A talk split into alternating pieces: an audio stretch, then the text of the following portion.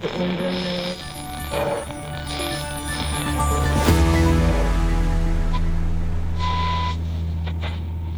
och välkomna till 6 minuter, en nyhetspodd i kortformat från tidningen Arbetaren där vi kort sammanfattar den gångna veckan. Ni kan läsa oss på arbetaren.se och följ oss också gärna på Facebook. En majoritet av LO-förbunden säger nej till att skriva under arbetsköparnas och tjänstemännens överenskommelse om förändrat anställningsskydd. Det visar Arbetarens enkätundersökning bland förbunden. På tisdagen svarade 8 av 14 LO-förbund nej och fyra förbund visste inte. Men på torsdagen meddelade GS-facket att även de nu säger nej, åtminstone i nuläget. Det var förra fredagen som Kommunal och IF Metall plötsligt meddelade att de går emot det beslut som alla LO-förbunden gemensamt fattat om att inte gå med på det så kallade LAS-avtalet. Majoriteten av förbunden håller som sagt fast vid det tidigare beslutet men tre förbund av 14 har ännu inte bestämt sig. Ett av dem är hotell och restaurangfacket, HRF det underlag som, som en enig LO-styrelse förkastade är ju inte det underlag som, som jag har uppfattat att IF Metall och Kommunal har ställt sig bakom utan där är förändringar gjorda. Däremot om de förändringarna skulle föranleda oss att ha en annan uppfattning, det är för tidigt att säga ännu. Det säger Malin Ackholt, HRFs ordförande. Under torsdagskvällen öppnade den belarusiska oppositionen en folkambassad i Sverige. Syftet med folkambassaden är att skydda belarusiska medborgares intressen och rättigheter samt att företräda ett demokratiskt Belarus.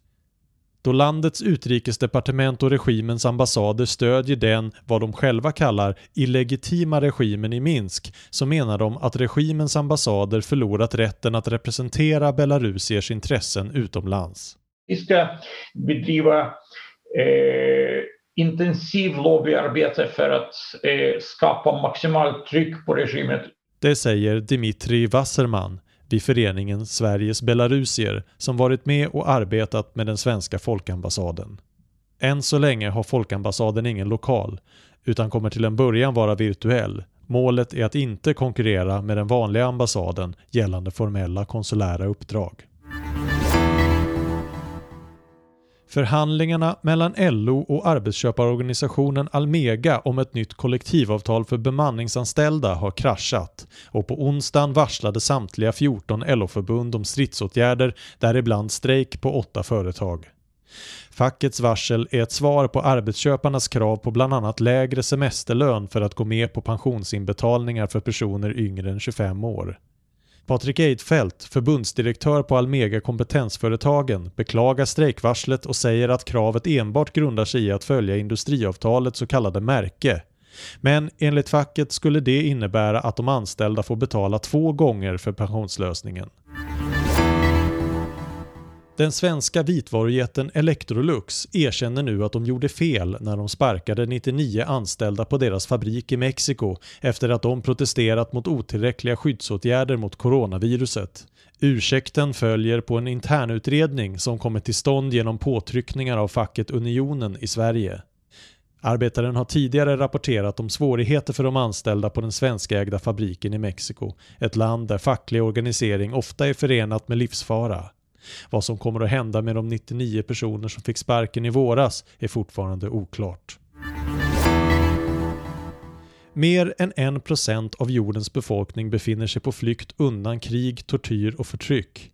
Siffran som i slutet av 2019 låg på 79,5 miljoner har enligt FNs flyktingorgan UNHCR nu passerat 80 miljoner. Enligt Madeleine Seidlitz, som är ansvarig för migrations och flyktingfrågor på svenska Amnesty, krävs det nu säkra och lagliga vägar in i Europa för de många människor som befinner sig på flykt. Corona har ju, har ju ytterligare eh, försämrat situationen ur rena demokratiperspektiv men också har ju riskerna ökat för, eh, eh, människor på flykt på, på många olika sätt. Det säger Madeleine Seidlitz på Amnesty.